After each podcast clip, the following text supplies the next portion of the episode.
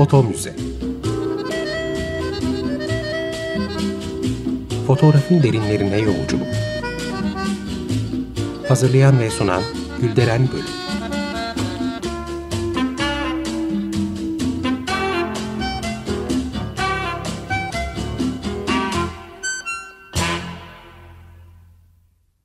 Merhaba değerli dinleyiciler. Fotoğraf tarihçiniz ben Gülderen Bölük. Bir foto müze programında daha birlikteyiz. E, bugünkü konumuz rötuş. Bir fotoğraf üzerine yapılan müdahalelerden, ilavelerden, eksiltmelerden yani türlü nedenlerle yapılmış manipülasyonlardan söz ediyorum. Yine bolca görsel kullanacağım. Bunları Foto Muze Türkiye adlı Instagram ve Twitter hesabından takip edebilirsiniz. E, bu arada önceki programların podcastlerini Spotify üzerinden dinleyebilirsiniz. E, programa da başlamadan önce destekçimiz Sacide Erdem'e sonsuz teşekkürler. Ee, konumuza dönersek, rötuşun ancak dijital devrimden sonra ortaya çıktığını düşünenler olabilir. Ancak rötuşun tarihi neredeyse fotoğrafın tarihi kadar eski. Öncelikle rötuş kelimesinin üzerinde biraz durmak istiyorum. Ee, çok genel anlamda fotoğraf üzerinde yapılan düzeltmeler ve iyileştirmelerdir diyebiliriz. Başka bir açıdan da bakalım. E, fotoğrafın ilk zamanlarında bazı önemli fotoğrafçıların birden fazla negatif kullanarak çoklu baskılar yaptığını biliyoruz. Yani bir fotoğraf kağıdına üst üste basılarak oluşturulmuş tek bir görüntüden söz ediyorum. Size böyle bir fotoğraf verilseydi ve nasıl elde edildiği söylenmeseydi bunu tahmin etme, bilme olasılığı oldukça düşük olurdu. Yine de bu fotoğrafik görüntünün oluşumundaki müdahaleleri rötuş kapsamında değerlendirmek doğru olmaz. E, bunu teknik bir yöntem olarak ele almak daha yerinde. Her ikisi de gerçeğe müdahale etse de görsel bir yanılsama yaratsa da yine de birbirinden ayrılmalı. Başka bir söylemle fotoğrafik görüntüye yapılan her dokunuş rötuş değildir. Tabii bu arada gündeme şu konu gelecek. Fotoğrafın belge değeri. Yani fotoğraf belge yerine geçer mi? Fotoğrafa güvenebilir miyiz? Ya da e, hangi müdahaleler fotoğrafın gerçekliğini ya da dokümanter niteliğini şüpheye düşürür? Gibi gibi sorular arda, ardarda arda sıralanabilir. Ama bu konuyu başka bir programa bırakarak rötuş konusuna dönelim. Peki rötuş olarak kabul edeceğimiz tırnak içinde düzeltme, giderme, iyileştirme amaçlı müdahaleler neler ve nasıl, ne şekilde yapılır? Ee, dünyadaki ve bizdeki örnekler üzerinden konuşalım. Bugün dijital yöntem ve programlarla yapılan pek çok düzeltme ve değişiklik fotoğrafın çok erken dönemlerinde de vardı. O günün stüdyoları müşteri memnuniyetinde göz önüne alarak çizik, nokta gibi teknik kusurları rahatlıkla yok edebiliyorlardı. Ayrıca yüzde bulunan sivilce, leke ve kırışıklıkları da gidermek için rötuşa başvuruyorlardı. Fakat zamanla müşteri de fotoğrafçı da rötuştan beklentisini arttırdı. Kadınların çoğu yaban arısı gibi ince bir bele, uzun kirpiklere sahip olmak istiyordu.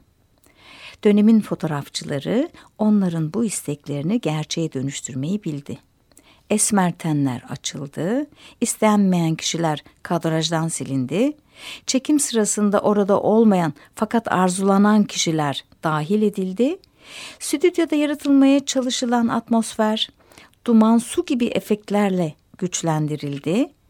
Bunların hepsi e, stüdyolar tarafından insanlara sunulmuş vaatlerdi ve fotoğraf çektirenler bu durumdan hoşnuttu. Daha da örnekler arttırılabilir tabii. Ee, ama şunu da belirteyim, rötuş istenen şeye bağlı olarak hem negatife hem de pozitife uygulanabilir. Eğer istenen değişiklik negatif üzerinde yapılabiliyorsa Bundan elde edilecek baskılar da yani pozitifleri de düzgün olacaktır. Böylece kusur tek seferde halledilmiş olur ki her defasında her baskıyı düzeltmeye gerek kalmaz.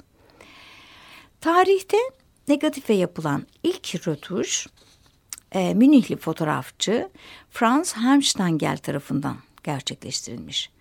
Helmstengel 1855 yılında Fransa'da bir sergi salonunda rötuşladığı fotoğrafları rötuşsuz halleriyle birlikte yan yana asmış. Tabi sergiye gelenler de hayrete düşmüş. Bu bilgiyi kitabında Giselle Freund bize aktarıyor. Anlaşıldığı gibi yan yana sergilemenin amacı müdahaleyi saklamak şöyle dursun, iki görüntü arasındaki farkı ve burada ortaya konan mahareti gözler önüne sermek. İstenen de gerçekleşiyor zaten. Sergi insanları şaşırtmayı başarıyor. Tabi söz arasında fotoğrafa yapılan her türlü müdahaleye, buna rötuş da dahil karşı olanların, tepki gösterenlerin varlığını da belirteyim. Üstelik hiç de az değil. Rötuşun ortaya çıkmasına ya da rötuşa ihtiyaç duyulmasına neden olan bazı sebepler de var tabii.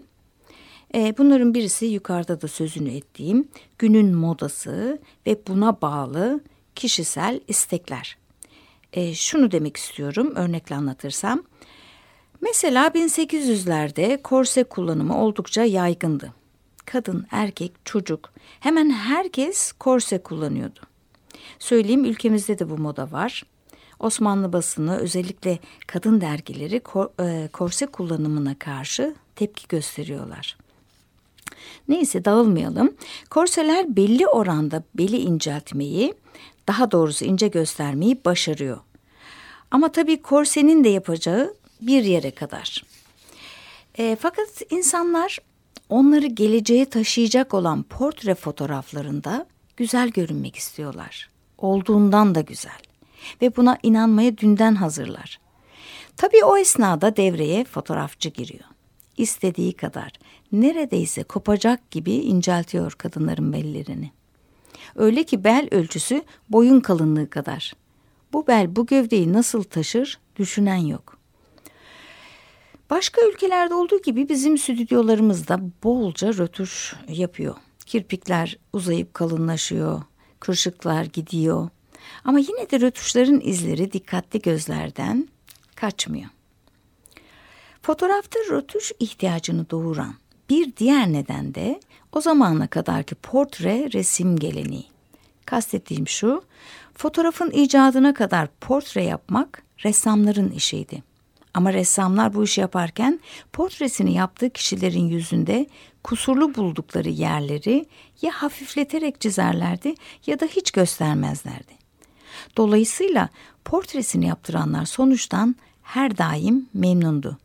Dolayısıyla fotoğraftan beklenen de buydu.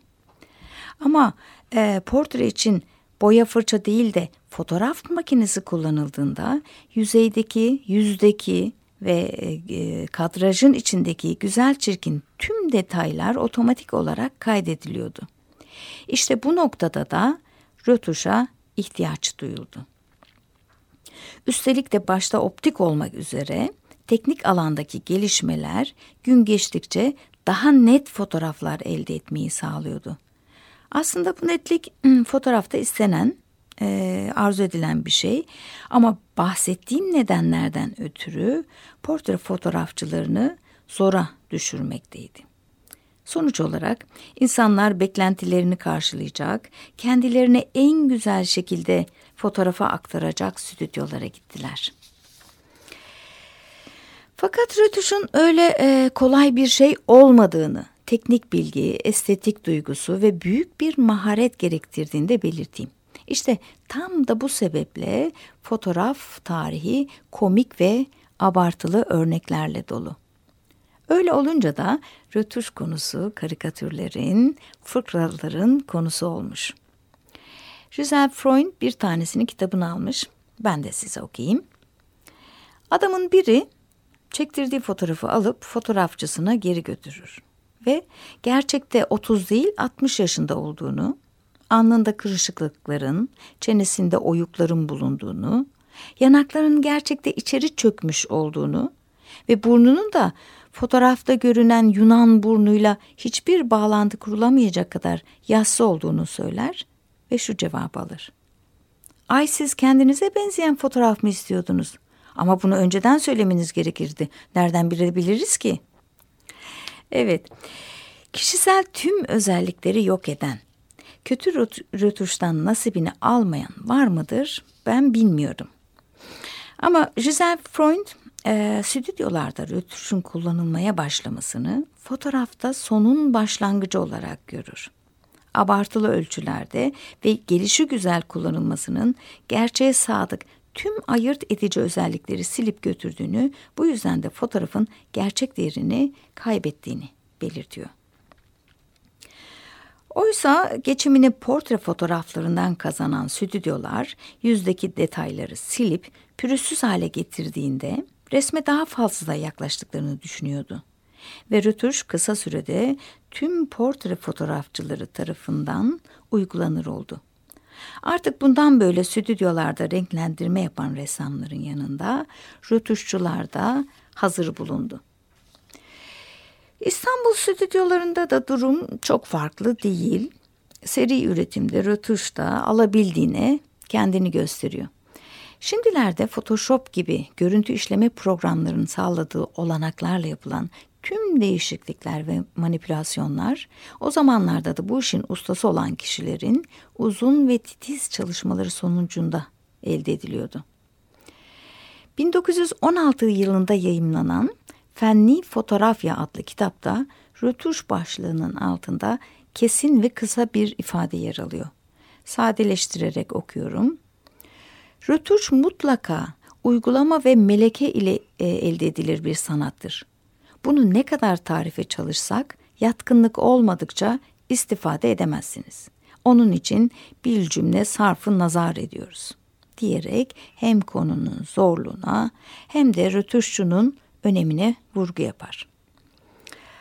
Evet sevgili dinleyiciler programımıza devam edeceğiz. Ama şimdi küçük bir müzik arası vermek istiyorum. Ee, birkaç gün evvel Nazım Hikmet'in 118. yaş günü kutlandı 15 Ocak'ta. Büyük Ozan'ın Kız Çocuğu şiirini büyük besteci Fazıl Say'dan dinliyoruz.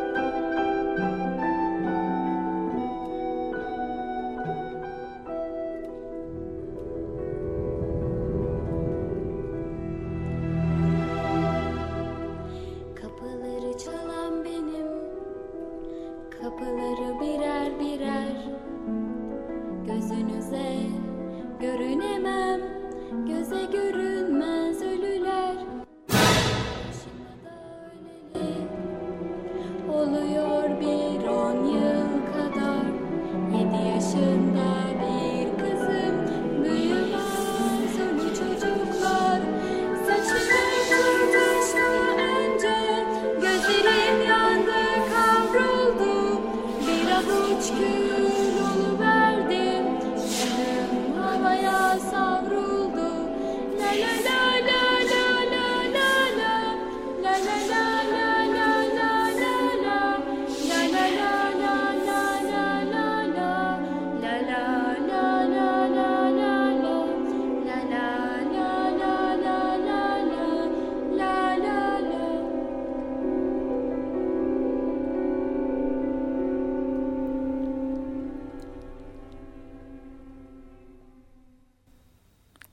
Merhaba değerli dinleyiciler. Foto müze programındayız ve fotoğrafta rötuşu konuşuyorduk. Kökeninin dijital devrimden çok önceye gittiğini, neredeyse fotoğrafın icadı kadar eski olduğunu söyledik. Devam edelim. Fotoğrafla ilgili eski kitaplarda da konunun önemi ve zorluğu devamlı dile getirilmiş. Laf arasında şunu söyleyeyim. Osmanlı döneminde yayımlanmış fotoğraf kitaplarının, kataloglarının hepsi teknik konulardan söz ediyor. Ve pek çoğu da rötuş konusunu sayfalarına taşımış.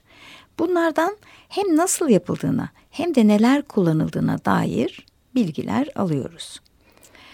Mesela İpekçi kardeşlerin işlettiği Selanik Bom Marşesi'nin 1924 yılında bastırmış olduğu fotoğrafçılık ve sinemacılığa ait eşya kataloğu. Bir diğeri e, Aş, Beykız ve Şeriki tarafından 1930 yılında bastırılan Fotoğraf Makineleri ve Teferruatı adlı yayınları ele alalım bakalım. Her iki katalogda da püpitr denilen ve hemen hemen tüm stüdyolarda negatiflere rötuş yapmak için kullanılan rötuş aletinin görseli var. Selanik Bom Marşesi'nde boyasız ağaçtan imal edildiği belirtilmiş. 13-18 ve 18-24 santim ebatlarında klişeler için kullanılabiliyormuş. Katalogda amatörler için de daha basit modeller var. Ee, aslında basit bir alet, bir ayna ve bir buzlu camdan meydana geliyor. Sosyal medya hesaplarımızdan bu görselleri inceleyebilirsiniz. Bolca koydum. E, rötuş için gerekenler ve işlem kabaca şöyle. Öncelikle neler lazım bunu sayayım. Püpitr dedik. E, ikinci olarak da matolen denilen bir sıvıyı sayabiliriz. Nedir matolen? Boy boy şişelerde satılan alkol ve reçine esaslı bir sıvı. Önemli bir sıvı. Bu olmadan kullanacağımız kalem gibi rötuş malzemeleri yüzeye tutunamıyor. Üçüncü olarak da kurşun kalemi sayabiliriz. Ama kalemlerin sertlik dereceleri çok önemli. Mesela bir marka ki bu marka günümüzde de var. Aş'tan B'ye kadar tam 15 sertlik derecesinde kalem üretmiş. Peki hangi negatifte hangi kalemi kullanacağız? Buna negatifin kontrastına bakarak karar veriyoruz. Bir de bu kurşun kalemlerin uçları son derece iyi açılmış olmalı ve ucu da neredeyse bir iğne kadar inceltilmiş olmalı. Ayrıca kataloglarda kutu içinde set halinde satılan rötuş takımları da var. Bunlarda ilave olarak kretuar, palet, beyaz tebeşir, samur fırça, tüp boya, karmen boya gibi ilaveleri de rastlıyoruz. Belki siz de hatırlayacaksınız bazen e, fotoğraflarda bazı bölgeler gereğinden koyu çıkar. Mesela bir portreye e, mesela bir portreyi ele alalım. Yüz ve ellerin gereğinden koyu çıktığını, portrenin baya bir esmerleştiğini düşünelim. Böyle bir fotoğrafın teknik karşılığı şu. Negatifte portrenin yüz ve ellerine denk gelen bölgelerin şeffafa yakın olduğunu görürüz. Baskı yapıldığında bu şeffaf bölgelerden geçen ışık yoğun bölgelerden geçen ışığa oranla daha fazla olacağı için fotoğraf kağıdının oraya denk gelen yerleri fazla pozlanacak demektir. Sonuç oldukça esmer, e, kara yağız bir portre. İşte bu durumda karmen boya çok işe yarıyor. Dinleyenler hatırlayacak alüminyum fotoğrafçıları anlatırken onların naif çözümlerinden de söz etmiştim. Alüminyumcular ya da şipşakçılar karmen boya yerine bildiğimiz kırmızı kuru boya kalemleri kullanıyorlardı. Eskiden oku zamanında kullandıklarımızdan. E, zaten o zamanda da çok çeşit yoktu e, ve mavi ile kırmızı olmak üzere iki renk olarak tek tek satılırdı. Biz de onları ödev ve konu başlıklarını yazarken kullanırdık. İşte alüminyumcular bu kırmızı kalemleri ceplerinden çıkartıp hemen oracıkla tükürükleriyle ıslatarak negatifin üzerinde surat ve elleri boyardı. Bunu yaparken dilleri de boyandığı için çoğu zaman onlara kırmızı dililer de deniyordu. Ancak bu ne kadar pratik olursa olsun stüdyolar rötuş için çok büyük özen gösteriyorlardı. Malzeme olarak da Carmen boya kullanıyorlardı. Evet, ee, başka bir kitaba geçelim şimdi. 1909 yılında yayımlanan e, Tesili Fotoğrafya adlı kitapta rötuş başlığı altında epey bilgi aktarılmış. Carmen boyanın kullanımı ile ilgili güzel tarif var. Ama öncesinde rötuşun zorluğuna dikkat çekiyor. Sadeleştirerek okuyorum. Resimlerin klişe üzerindeyken düzeltilmesi fotoğrafçılar tarafından adet olup bir şahsın resmini güzelleştireyim derken bazen pek çirkinleştirdiklerinden heveslilerin rötuşa muhtaç olmayacak tabi resimler yapmasını temenni ile bazı portre ve peyzajlarda yapılabilecek rötuşları tarif edelim. Portre yani insan resimlerinde yüzde ve ellerde ziyadece şeffaf kısımlar varsa kağıda çekildiğinde siyahça çıkacağından klişenin cam tarafından biraz karmen denilen kırmızı lal boya sürülerek oradaki şeffaflığı tadil etmek mümkündür. Şöyle ki küçük parmağı biraz ıslatarak karmene sürdükten sonra klişenin cam tarafına istenilen nokta hizasına karmeni parmak ile ovalayarak ve dairesel olarak sürüp karmen tek, e, derhal kuruyacağından istenilen noktadan fazla olan taraftaki karmeni temiz parmak ile silmekten ibarettir. Peyzajlarda karmen e, e, rötuşun faydası ziyadedir. Peyzajlarda karmen rötuşunun faydası ziyadedir. Gölgelerdeki teferruatı göstermeye pek yardım eder. Böyle yazılmış kalem ve püpitr ile yapılan rötuşu da anlatmış ve yine bilgiler arasında fırça ve çini mürekkebi ile de rötuş yapıldığı bilgisi var. Süleyman Süreyya Bükey'in hazırlamış olduğu Gevart fotoğraf rehberinde ise e, rötuş konusunda güzel detaylar var aktarılmış. Öncelikle benzer kısımları atlayıp kalan ilgili kısmı da sadeleştirerek okuyorum. Fırçayı mümkün olduğu kadar dik tutmalıdır. Yalnız o boşlukların fazla doldurulmamasına dikkat edilmelidir. Negatife yapılan bu uygulamaya son derece dikkat edilmelidir. Bu sayede pozitife sarf edilecek vakitten tasarruf edilmiş olur. Negatifin şeffaf olan kısımları bu sayede ıslah edilmiş olur. Açık olan kısımlar ise kağıtlar üzerinde rötuş edilir. Eğer hatalar çok büyük ise rötuş ameliyesi pozitif ile negatif arasında taksim edilmeli. Mamafi negatifte rötuşa daha rağbet edilmeli. Zira negatifte uygulama bir defadır. Halbuki pozitife e, pozitifte her resim üzerine çalışmak icap eder. Pozitif üzerine rötuş yumuşak kurşun kalemlerle ve fırça ile ve hususi renklerle yapılır. Rötuş bir maharet ve zevk meselesidir. İyi bir hocadan tahsil edilecek rötuş her bir fotoğrafçı için bilhassa elzemdir. Klişelerdeki e, iki türlü rötuş yapılır. Birisi fazla yoğun olan kısımları inceltmek ve e, diğeri şeffaf kısımları kaplamak. Yoğun olan yerleri inceltmek için parmağa ince ve yumuşak bir tülbent sarılarak alkolle ıslatılır ve inceltilmesi icap eden kısım hafif hafif ovulur. Ancak bu hususa dikkat etmek lazımdır. Ufak siyah noktalar gratuar denilen bıçakla kazanır. Görüldüğü gibi her kitapta rötuşun ve rötuş ustasının ne kadar önemli olduğu ve bu işin ciddiye alınması gerektiği, aksi takdirde sonuçların kötü olabileceği vurgulanmakta. Bu durum günümüz için de geçerli. Fotoğraf ister analog yöntemlerle elde edilmiş olsun, ister sayısal. Rötuşta estetik sınırlar mutlaka korunmalıdır. Yoksa düzeltelim, güzelleştirelim derken kolayca tanınmaz hale gelebilir. Değerli dinleyiciler programımız bugünlük de bu kadar. Ee, bizleri sosyal medyadan takip etmeyi unutmayın. Size harika bir gün diliyorum.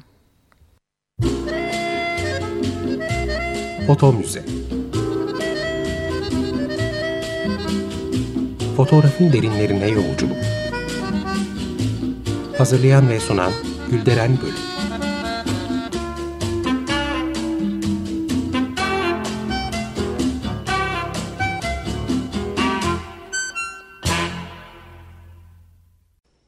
Açık Radyo program destekçisi olun. Bir veya daha fazla programa destek olmak için 212 alan koduyla 343 41 41.